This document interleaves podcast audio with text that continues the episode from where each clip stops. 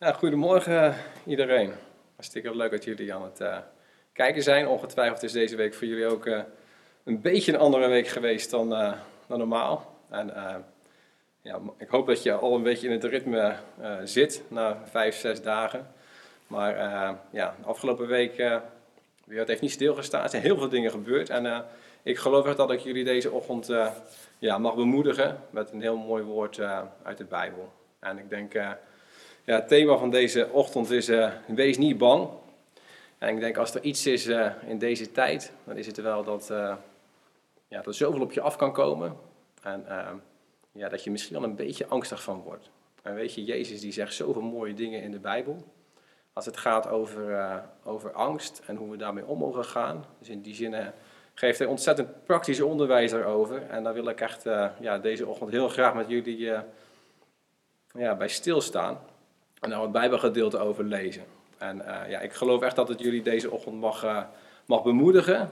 Dat het deze eh, ochtend jullie mag gaan, gaan opbouwen.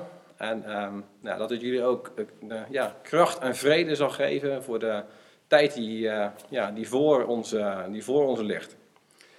Het eerste vers wat ik graag met jullie wil lezen staat in Filippenzen 4, vers 4 tot 7. En daar staat, verblijd u altijd in de Heer. Ik zeg het opnieuw, verblijd u. Uw welwillendheid zijn alle mensen bekend. De Heer is nabij. Wees in geen ding bezorgd. Dus in geen enkel ding, helemaal niks. Maar laat uw verlangens in alles door bidden en smeken met dankzegging bekend worden bij God. En de vrede van God, die alle begrip te boven gaat, zal uw harten en uw gedachten bewaken in Christus Jezus. Nou, er staan natuurlijk zoveel dingen in waar we, ja, waar we even bij stil kunnen staan. Maar het eerste punt is toch eigenlijk wel dat er staat van, verblijd u altijd in de Heer. Altijd. Dus wat er ook gebeurt, er is altijd reden om dankbaar te zijn en ons te verblijden in Jezus. En we hoeven in geen één ding bezorgd te zijn. Nou, ik denk als er ja, deze wereld, eh, ah, ah, ja, deze week eh, misschien heel veel dingen ja, uit de oor zijn gekomen. En dat er eigenlijk ja, zoveel is gebeurd dat je denkt van wow, ja, er is zoveel reden om bezorgd te zijn. En dan zegt Jezus deze ochtend tegen jou, wees in geen ding bezorgd. En voor je gevoel vraagt hij misschien wel een beetje het onmogelijke van je. Dat je denkt van ja, Jezus, kom aan. Ik mag in geen enkel ding bezorgd zijn. Geeft u me dan ook nog een beetje de, ja, misschien de tools of geeft u me ook nog een beetje input. eh, ja, hoe ik dan me staande kan houden in deze tijd en niet bezorgd hoef te zijn. Want er is toch zoveel reden voor bezorgdheid. Dan gaan we zeker zo meteen weer stilstaan. Maar hij zegt, wees in geen ding bezorgd, maar laat uw verlangens in alles door bidden en smeek met dankzegging bekend worden bij God. En nu komt het grote punt, waar jij en ik misschien naar op zoek zijn, of wat jij en ik al lang ontvangen hebben. En dat is het volgende. De vrede van God die alle begrip te boven gaat, zal uw harten en uw gedachten bewaken in Christus Jezus. Nou, als er iets is wat jij en ik hebben mogen ontvangen door Jezus, dan is het wel de vrede in ons hart.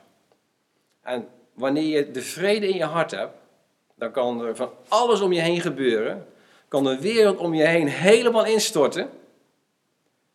Maar jij zal de vrede in je hart ervaren.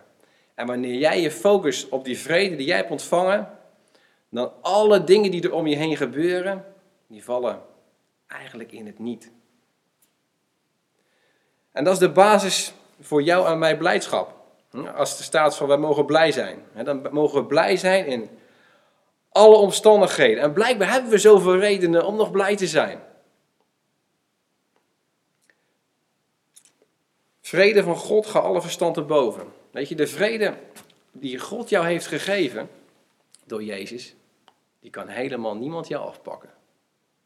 En die vrede van God, die gaat jou leiden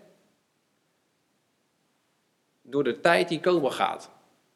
De vrede van God gaat jou opbouwen. De vrede van God gaat jou bemoedigen. De vrede van God gaat jou kracht geven en sterkte geven. Maar nu vraag je je misschien af van, ja, maar wat als ik dan toch bezorgd ben? Weet je, er kunnen zoveel dingen zijn gebeurd. Er kunnen zoveel dingen zijn waar je misschien bij stilstaat die nog zouden kunnen gebeuren. Weet je, dan zegt Petrus het volgende over. Wat wij uiteindelijk met zorgen die we misschien hebben, zouden mogen doen. En ik denk niet alleen zouden mogen doen, maar een heel goed advies wat hij geeft wat we daarmee moeten doen uiteindelijk. Want hij zegt in 1 Petrus 5 vers 7, werp al uw zorgen op hem. Want hij zorgt voor u. Werp al uw zorgen op hem, want hij zorgt voor u. Ik weet niet hoe, uh, hoe je dat woordje alle moet uh, definiëren, maar volgens mij betekent dat zoiets als dat er helemaal niets uitgezonderd is. Alle zorgen die jij en ik misschien hebben. En zo komt Jezus als het ware deze ochtend de woonkamer binnen. En zegt tegen jou, wat je zorgen ook zijn, welke zorgen je ook hebt, ik ga voor jou zorgen. Ik neem als het ware die zorgen die jij hebt voor het onbekende, neem ik als het ware op mij, zodat jij in deze tijd zorgeloos kan leven. En ik denk dat dat heel ja, bijzonder is. En ik geloof ook echt dat dat een, een stukje getuigenis is, wat jij en ik mogen zijn naar onze vrienden, naar onze familie, naar onze collega's. Dat ze zich af zullen vragen, van, maar, maar ben jij niet bezorgd dan? En dat jij zegt, nee, maar weet je, ik heb vrede in mijn hart. Ik, er is geen reden om bezorgd te zijn, want ik weet dat God voor mij zorgt. Weet je, soms delen we wel eens de zorgen met, uh, met anderen. En daar uh, is op zich natuurlijk helemaal niks mis mee. Maar het kan heel goed zijn dat wanneer we de zorgen met anderen delen, deze mensen helemaal niet de oplossing hebben. Helemaal niet de mogelijkheid hebben om onze zorgen weg te nemen. En helemaal niet de mogelijkheid hebben om voor ons te zorgen. En dan zegt Jezus tegen jou. Dan zegt Jezus tegen mij. Werp al je zorgen op mij, want ik ga voor je zorgen. Dus we, en dat is misschien soms ook moeilijk voor ons om, om het als het ware uit handen te geven. Dat we zeggen, weet je, ik kan niet voor mezelf zorgen, maar ik ga Jezus voor mij laten zorgen. Dus ook al ben je misschien nog zo'n grote controlfreak en wil je normaliter alles, ja, uh, ja, alles uh, zelf op een rijtje hebben, overal zelf voor zorgen. Dan zegt Jezus deze ochtend tegen jou, weet je, maar ik, ik doe een uitnodiging aan jou. Ik, ik wil zo graag voor jou zorgen. Ik wil zo graag voor jou zorgen in deze tijd. Op dit moment.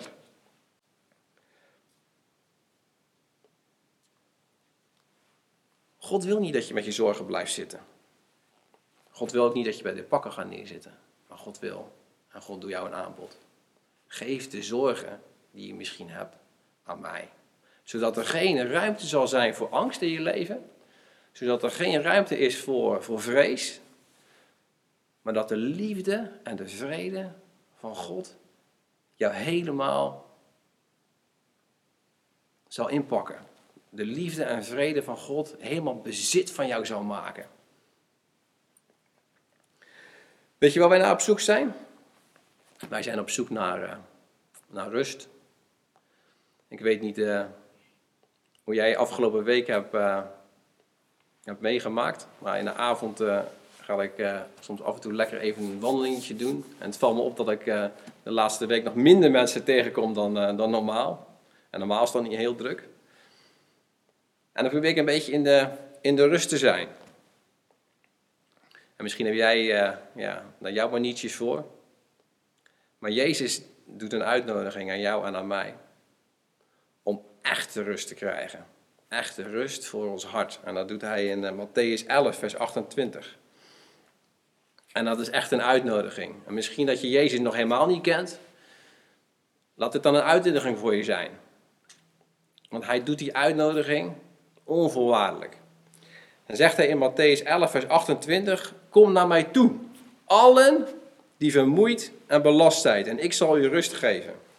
Neem mijn juk op u en leert van mij, want ik ben zachtmoedig en nederig van hart. En u zult rust vinden voor uw ziel, want mijn juk is zacht en mijn last is licht. Met je zorgen kun je je soms een beetje ja, te neerdrukken. Maar het mooie is dat Jezus zegt, weet je, ik ga jou rust geven. En nu vraag je je af, maar hoe, hoe, hoe, ja, weet je, hoe krijg ik dat dan? Maar Jezus is eigenlijk heel simpel. Hij zegt, kom gewoon naar mij toe. Kom gewoon naar mij toe. Als jij vermoeid bent, als jij belast bent, als je het leven misschien even allemaal niet meer aan kan, als je hulp nodig hebt, dan zegt hij, kom naar mij toe. Want ik heb iets voor jou in petto, wat niemand heeft en wat ik jou kan geven. En weet je, Jezus is iemand die zo graag wil geven. Jezus wilde niet voor zichzelf houden. Jezus heeft een geweldig cadeau voor jou. En het zou zo jammer zijn als we dat cadeau laten liggen en daar niet van genieten in het leven. En dat is de rust en de vrede die hij ja, wil geven. Hoe kan, hoe kan je ziel überhaupt rust vinden, vraag je je af. Net, uh, net lazen we dat Jezus zegt van mij, uh, juk is zacht en mijn last is licht. Dat is eigenlijk wel heel interessant, want in die context praat hij ja, tegen mensen die een enorm juk hebben te dragen. En dat is de juk van de wet. En dan zegt Jezus van, mijn juk is zacht en mijn last is licht. En misschien heb je ooit wel eens zo'n plaatje gezien van uh, twee ossen die aan het ploegen zijn. En um, ja, die moeten beide allebei hard werken. En ja, dan zie je dat het enorm veel energie kost. Dat is dus een juk wat ze dragen wat heel erg zwaar is. Dat is het juk van de wet. Maar nu zegt Jezus, weet je, ik loop als het ware met dat juk. Jij mag met mij meelopen, maar het gaat jou geen energie kosten. Dat houten juk, die die ossen voortduwen, voorttrekken, dat heeft Jezus gedragen. En dat is als het ware het kruis. En jij en ik mogen bescherming, mogen kracht, mogen vrede ontvangen door wat Jezus aan het kruis heeft gedaan. En daarom kan Jezus ook zeggen: Mijn juk is zacht en mijn last is licht. En dat is eigenlijk wel heel mooi. Van de week toen je misschien aan de radio aan het luisteren was en dat er een liedje werd gezongen: You never walk alone. Wat is er nou mooier? Dat Jezus zegt: Weet je, ik wil niet dat jij alleen loopt. Jij bent niet alleen in deze tijd. Want ik loop naast jou. En ik til je zorgen. Ik til je angsten. Ik heb dit allemaal voor jou gedaan. Zodat jij in deze tijd van zorgen die er in de wereld zijn, juist zorgeloos mag leven. Is dat niet uh, ja, onvoorstelbaar? Niet een wereld, een wereld die, een, die veel zorgen heeft, maar jij tegelijkertijd dat je de vrede van God in je hart mag ervaren.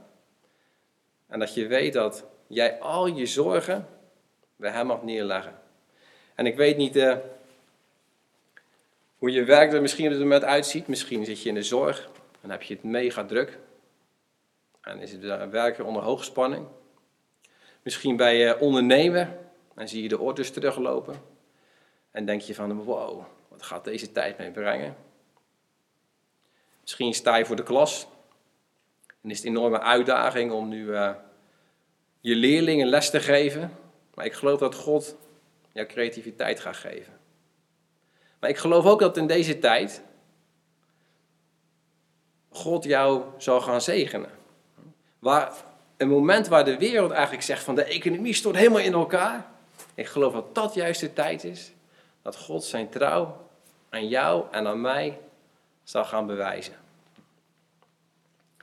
Van de week eh, vroegen een aantal mensen aan mij van ja Johannes, hoe staat het met de zaak?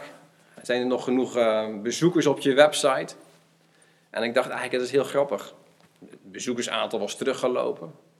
En dan zegt uh, de wereld van, ja, weet je, als het bezoekersaantal terugloopt, ja, dan neemt ook je omzet af. Ik geloof dat God zich niet houdt aan deze economische wetten. Ik geloof dat God een God is van voorspoed, dat God een God is van voorziening, dat God ons veel meer kan zegenen dan wij denken of beseffen. Dus ik geloof ook dat dit een tijd is dat jij en ik God mogen gaan zien op zo'n manier dat we nog, misschien nog nooit eerder hebben, hebben gezien. En weet je, Jezus hart gaat uit naar iedereen. En het is een heel mooi verhaal in uh, Matthäus 9, vers 9 tot 11, waar Jezus een van zijn discipelen aan het roepen is. Hij heet Levi, oftewel uh, Matthäus, de schrijver van het eerste evangelie. En ik vind het zo mooi dat als we Jezus daar bij hem zien komen, dat Jezus, de manier hoe Jezus hem als het ware uitnodigt.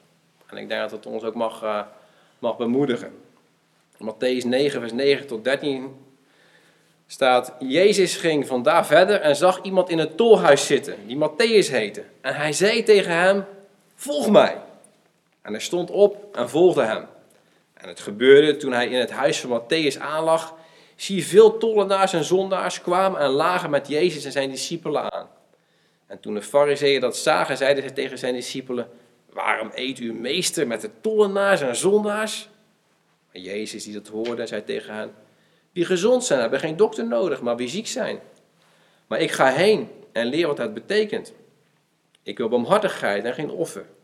Ik ben niet gekomen om rechtvaardigen tot bekering te roepen, maar zondaars.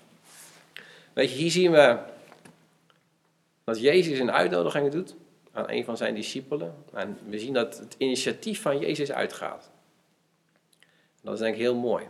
Op het moment dat wij soms denken dat we allerlei dingen in beweging moeten zetten om bij God goedgekeurd te worden, zoekt Jezus Matthäus op en zegt hij, Matthäus, kom, volg jij mij. Wat een uitnodiging die Jezus doet. Jezus die geen allerlei dingen op gaat zitten noemen waar Matthäus hem moet voldoen. Maar Matthäus, die heel eenvoudig weg zijn spulletjes pakt en achter Jezus aangaat. En ik denk dat hij zo versteld vond van die uitnodiging die hij van Jezus kreeg, dat hij spontaan een feestje ging bouwen. Een feestje ging bouwen met zijn vrienden, zodat ze ook Jezus konden ontmoeten. Degene die hij al langer kende, waar hij van gehoord had. Degene die hem had onderwezen. Religie zegt, hoe kan je omgaan met deze Levi? Hoe kan je omgaan met die zondaar? Hoe kan je omgaan met die verklikker? Met die man die werkt voor de vijand? Religie zegt, ik heb Jezus liefde niet nodig. Ben goed genoeg. Ben goed uit mezelf. Maar Jezus zegt, sta je mij toe jouw lief te hebben? Sta je mij dat toe? Jouw lief te hebben. Sta je mij toe jou te omarmen? En dat is denk ik hetgene wat Jezus jou en mij wil laten zien. Door de hele simpele uitnodiging die hij aan Levi doet. Levi, kom, volg jij mij.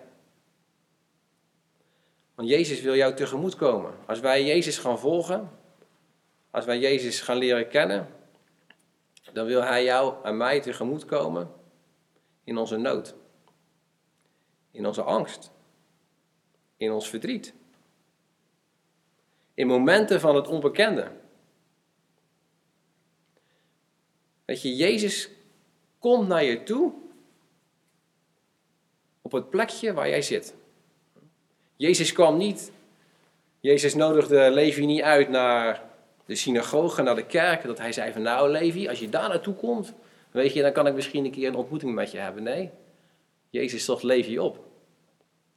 En hij zei, Levi, wil jij mij volgen? Mag ik van jou houden? Mag ik jou omarmen? Mag ik mijn liefde aan jou tonen? Mag ik mijn onvoorwaardelijke gunst aan jou laten zien?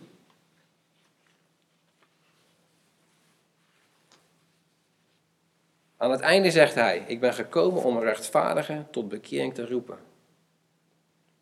Ik ben niet gekomen om een rechtvaardige tot bekering te roepen, maar zondaars. En nu denk je bij jezelf, wat is het dan, dat bekering? We zien eigenlijk helemaal, als dit Levi zijn, uh, zijn bekering is, ja, we zien eigenlijk heel weinig van dat Levi op zijn knieën gaat, dat, Jezus, dat, dat Levi zijn zonde beleidt, dat Levi terugkomt van hetgene wat hij, uh, wat hij fout heeft gedaan. En dat is denk ik het mooie eraan. Bekering is anders gaan denken. En dat ging Levi doen.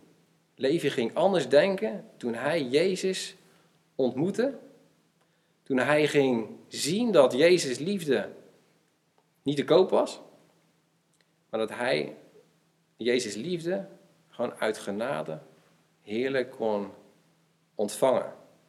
En Levi is een van de discipelen die daarna drie jaar met Jezus heeft rondgewandeld. Ooggetuige is geweest van datgene wat Jezus allemaal heeft gedaan, heeft laten zien.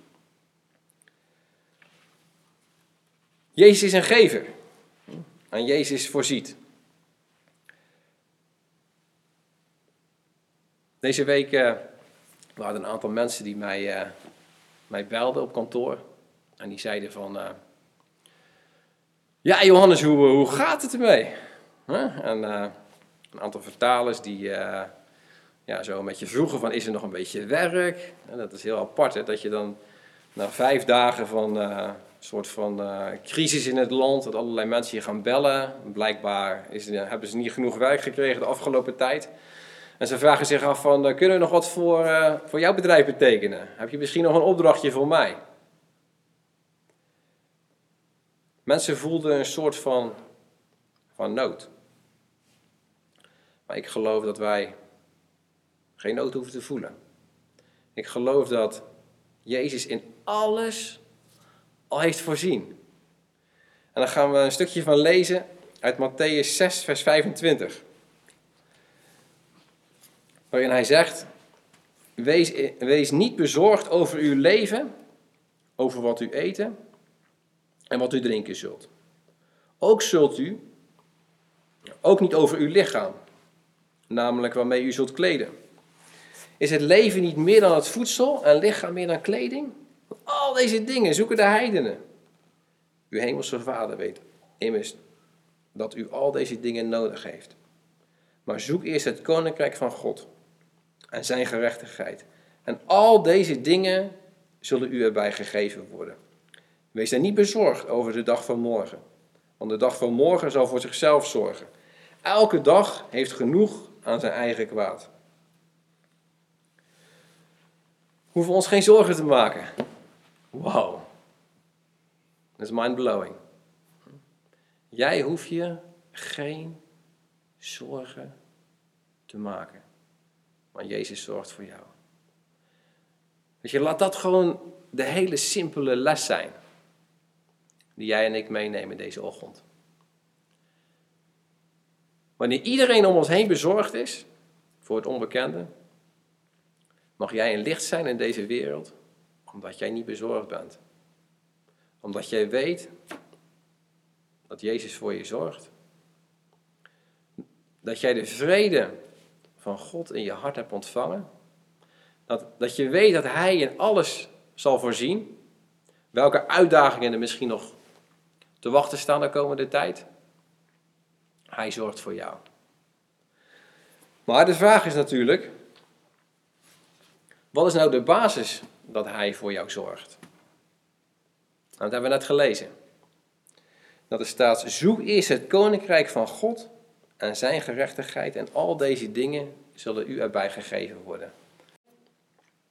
Ik denk dat je daar echt alles voor in kan vullen. Al datgene wat jij nodig hebt in het leven. Jezus zegt, als jij jouw recht op dat cadeau wat je van mij hebt ontvangen, de gerechtigheid in Jezus Christus, als je daar in geloof mee bezig bent, als je weet dat dat jouw deel is, weet je, dan hoef je over het al het andere eigenlijk helemaal niet meer druk te maken. Je kleding, je onderdak, je levensbehoeften, je salaris, de opdrachten die binnenkomen. Dat je, God zal voorzien. God zal voorzien in alles. En als Hij het belooft, dan is het echt waar. Neem jij het aan? In geloof? Ontvang je het? Amen. Ja, Vader in de hemel, dank u wel dat u degene bent die voor ons zorgt. Dank u wel dat u degene bent die in alles, maar dan ook echt in alles voorziet. Heer, dank u wel dat u een zegenende God bent. Heer, dank u wel voor de rust en voor de vrede die we in ons hart mogen hebben. Heer, een rust en een vrede, want uw woord zegt, je gaat alle verstand te boven. Dat is een rust en een vrede die wij hebben ontvangen door hetgene wat Jezus heeft gedaan. Heer, we geloven dat u in alles voorziet. U voorziet in elke nood. U voorziet in elke behoefte die we hebben. En Heer, daar danken we u voor. We danken dat u overal bij bent. We danken u dat u in ons woont. We danken u, Heer, dat u de wijsheid geeft voor alle beslissingen en alle stappen die we misschien in de komende tijd gaan maken. Heer, u bent erbij. En u staat overal boven. En Heer, daar willen we u voor danken. In dat besef en in die wetenschap. Dat u van ons houdt. Dat uw liefde onvoorwaardelijk is.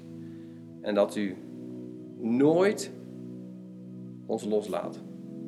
Ik dank u wel daarvoor. En zo mogen we gezegend worden. Want Jezus wil jou en mij zegenen. Met voorspoed. Met gezondheid. Met wijsheid. Met creativiteit. Met geduld. Heer, uw zegen is overvloedig. En Heer, daar danken we u voor. In de naam van Jezus. Amen.